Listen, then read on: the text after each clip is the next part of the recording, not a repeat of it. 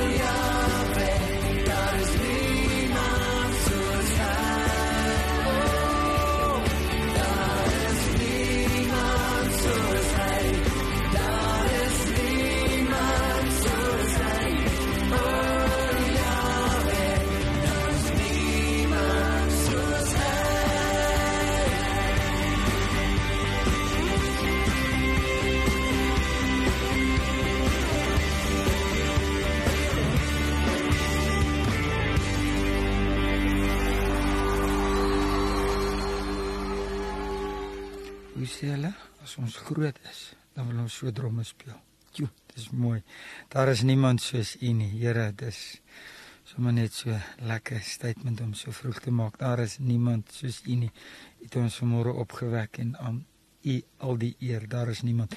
Matteus 14 vers 22. Um, net daarna het Jesus sy disippels in die skei laat klim om so lank voor hom uit te vaar na die ander kant of die oorkant toe terwyl hy nog eers die mense huis toe laat gaan. Nadat hy die mense weggestuur het, het hy alleen na die berg toe gegaan om te bid. Toe dit antwoord was hy daar alleen. Skei was reeds 'n paar kilometer van die kus af en is deur die golwe getuister want die wind was van voor. Met dagbreek die volgende môre het hy op die see na hulle toe aangeloop gekom. Toe sy disippels hom op die see sien loop, het hulle groot geskrik en gesê dis 'n spook van angs het hulle hart begin skree, maar Jesus het dadelik met hulle gepraat en gesê wees gerus, dis ek, moenie bang wees nie. Ou Petrus sê toe vir hom: Here, as dit regtig U is, beveel my om op die water na U toe te kom. Kom, sê hy in vers 29. Petrus het uit die skei geklim, op die water begin loop en na Jesus gekom. Maar toe Jesus of toe Petrus sien hoe sterk die wind is, het hy bang geword en begin sink en en uitgeroep: Here, red my dadelik. Ek like hierdie baie vers 31 dadelik. Ja, is dit nie die God wat ons dien nie? Dadelik het Jesus sy hand uitgesteek. Um om gegryp en vir hom gesê, klein gelowige, waarom het jy begin twyfel? Hulle het toe in die skei geklim, die wind het gaan lê. Die man in die skei het voor Jesus gekniel en gesê: "U is waarlik die seun van God." Vers 34. Hulle het toe die land het toe die land toe gevaar by Genesaret aan wal gegaan. Mag die Here sy woord in ons harte sommer net seën. Na wie toe kyk jy vir hulp as die storms jou begin rondslinger in die lewe? Na wie toe kyk jy vir hulp as die winde begin waai en dit net voel asof jou lewensboot sink en daar's niks om hom meer te red nie. Na wie kyk jy? Kom ons wees eerlik. Die een wie jou die liefste het, is die een wat jou sal red. Die storie wat ons vanmôre gelees het, die verhaal is is oor 'n boot in 'n stormagtige see en dit voel asof jy alleen is in daai boot. Is dit nie daar kan mense rondom jou wees, maar jy bekleif jou eie lewe, jy bekleif jou eie bestaan. Jy fight om net deur hierdie storm te kom. Vir wie kyk jy? Na wie kyk jy vir hulp? Die een wat jou die liefste het. Die winde waai jou hier en die golwe druk jou daar. In die sterkte van die water oordonder jou bootjie. Na wie kyk jy vir hulp? Die een wat jy wat jy die lief wat jou die liefste het. Jesus kom en hy sê sy disippels om so lank in die boot te klim en na die ander kant te gaan te vaar terwyl hy die menigte na die menigte omsien en sodat hy hul kan kan wegstuur en En dis wat gebeur en so hulle klim in die bootjie in en en Jesus sorteer gou die mense uit en sê hulle af en sê hulle weg, sien hulle weg en hy stuur hulle om in die storm in te gaan. Jo. Hy stuur hulle om in die storm in te gaan. Miskien omrede hy 'n baie spesiale wonderwerk vir hulle instoor het. 'n Wonderwerk wat niemand nog ooit gesien het nie en daarna nog nooit weer gesien het of van gehoor het nie. Jesus op die berg en hulle in die boot en dis maar 'n rowwe tyd. Die winde waai. Die water woed en en dis erg. En ja, kan myself indink Jesus op die berg moes ook seker maar die dieselfde storm ervaar het want want dis water of is wind daarbo en is bietjie erger daarbo as daaronder, maar die verskil is hulle is op die boot en en Jesus is daarom op die grond, nee, so dink ons. Soms as die Here ons na plekke toe stuur, dan kan die storms dalk maar erg wees. Soms twyfel ons in ons roeping al het die Here ons gestuur. Kan ek jou herinner? Jesus weet die storm is op pad. Jesus weet van al die vals leerings wat daar buite rondloop. Jesus ken en weet van die golwe van versoekings, die golwe van mishandeling En omrede hy jou gestuur het, is dit hy wat vir jou besig is om te bid en, en is dit hy wat besig is om om oor jou te kyk. En omrede hy weet, het ek bietjie gaan kyk en en daar gaan hy 3 uur die oggend op by hulle. En dan wonder mens jouself, joh, maar hoekom hoekom 3 uur in die oggend? Want soms gaan ons deur die ergste storms in die middel van die nag. Ja, as dit so pik donker is en jy kan nie eers jou hand voor jou oë sien nie en, en jy dink jy's alleen en en jy rol rond in jou bed en jy daai slapelose nag en en jy kry daai droë koue nat sweet en hy slaan uit en en jy so bekommerd oor jou kinders en jy so bekommerd oor jou finansies en en jy so bekommerd oor jou toekoms en almal slaap en, en jy's die een wat worstel want jy worstel met die storm wat besig is om te woed in jou binneste. En hoe meer jy jy bid hoe minder wil die storm tot bedaring kom. Hoe meer jy jou jou gedagtes van die storm wil afvat en aan iets anders dink om net in die slaap te kan raak om om net bietjie rus in te kry want want nou nou nou moet ons weer opstaan is 3 uur in die oggend en in 6 uur staan ons op en sommer nou nou nou en Here ek het nog niks geslaap nie. En dan dink jy en jy voel ook ek is so alleen niemand weet wat ek deurgaan nie hy sal opdaag met die wonderwerk wat jy nog nooit gesien het nie Hy sal opdaag met daai bonatuurlike. Al is dit laat hy op water moet loop. Hy sal opdaag. En dan sien ons dat die Here opdaag en toe die disippels hom sien het hulle gedink dis 'n spook en en hulle huil van bangheid en hulle is bekommerd en vers 27 wees gerus dis ek. Is dit nie die God wat ons dien nie? om oor die bangheid te praat en sê, "Hey, relax man, dis ek. Moenie bang wees nie. Jy's in goeie hande. Ek is met jou." As ons soms geskit word deur die storms van die lewe, so ons soms geskit word deur die omstandighede in ons lewens, dan kom die Here en hy praat met ons en en hy herinner ons dat hy weet wat ons deurgaan. Maar hy praat nie net met ons om om vir ons te sê hy weet nie. Hy hy herinner ons ook dat dat hy die skuilplek is.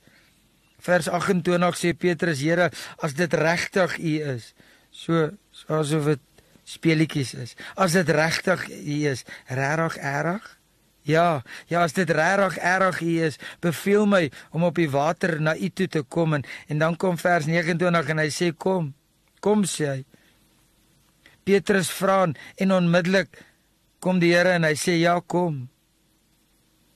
Soms is ons so bult soos ou Petrus en ons klim net uit en ons stap want die begeerte binne ons om in om by Jesus te wees is, is so groot daar's daar's 'n brandende begeerte binne ons om om by hom te wees en, en daarom kyk ons nie rond nie ons klim net uit die uit die skei uit en ons loop want want ons wil by hom wees want, want hy het ons geroep hy het my genooi kan ek jou vanmôre vra Ja, die storm is dalk erg in jou lewe. Daai finansiële storm, daai onsekerheid, dalk daai hofsaak wat wat oor jou kop hang. Hoe groot is jou begeerte om by Jesus te wees? Maar Petrus het bang geword en en hy het begin twyfel en en dan vra ek myself die vraag af, maar hoekom? Want jy vra nie in in Jesus sê kom, die Here sê kom, hoekom? Hy het bang geraak die oomblik toe daar konflik kom tussen wat die oog sien en die geloof. En ek het weer sê, hy raak bang wanneer daar's konflik tussen wat die oog sien en geloof. In vers 31 is is my hoogtepunt en en en, en dis waarna ek vashou vandag. Dadelik het Jesus sy hand uitgesteek. Dadelik. Daar was nie eers 'n tussenpose daar da, da was nie 'n delay gewees nie dadelik het Jesus sy hand uitgesteek en dis wat hy nog steeds vandag doen hy steek nog steeds sy hand uit dadelik ja jy voel dalk jy sit alleen agter toe deure vandag niemand weet nie en as iemand bel dan dan kan ons dit mens altyd wegsteek en sê nee ek is okay Jesus sê Sy woord sê dadelik het hy sy hand uitgesteek. En dis vanmôre my gebed dat hy sy hand sal uitsteek oor jou en oor jou omstandighede dat jy dit dadelik kan ervaar want vers 31 sê klein gelowige waarvoor het jy begin twyfel? Here, ek moet eerlik wees want my geloof en dit wat die oog gesien het, het teen mekaar opstaan in in opstand gekom. Here, ek is so so, so jammer dat dat konflik gekom tussen die oog en en die geloof. En hulle het teruggeklim in die boot en vers 33 die die B gedeelte kom en en en dis vir my so kosbaar hy sê u is waarlik die seun van God. In die middel van daai storm, u is waarlik die seun van God. Kom die Here in en hy bring kalmte en hy bring vrede. U is waarlik die seun van God. Petrus begin met 'n versoek en Jesus antwoord met 'n uitnodiging: Kom. Dit bring ons by die punt om om vandag te verklaar hy's waarlik die seun van God. Soms voel dit asof ons alleen is. Ja, daai middernag storie, daai storm storie, is dit nie snaaks laat dat hierdie goed nie somme deur die dag deur jou kop en in in deur jou gemoed maal nie, maar maar laat jy nou vanaand jou kop op jou kussing neerlê. Dis dan wanneer jy die storm moet trotseer. Hou moed. Die Here is in die midde van die donkerste tyd en die donkerste storm is hy daarom stil te maak. Ek het Genesis 37:1 tot 4 en 12 tot 28 bietjie gaan opsom in my eie woorde en hoeveel van ons is al verraai en en uitverkoop as gevolg van die guns van die hemelse Vader op ons lewens. Dadelik het hy opgedaag. Psalm 105 vers 1 tot 6 en in 16 tot 22 sê iets soos juig jou hart as jy die Here soek. Onthou nog sy wonderwerke of noem dit. Onthou na 13 jaar se slawerny en tronk wees, kom die Here en hy seën vir Josef.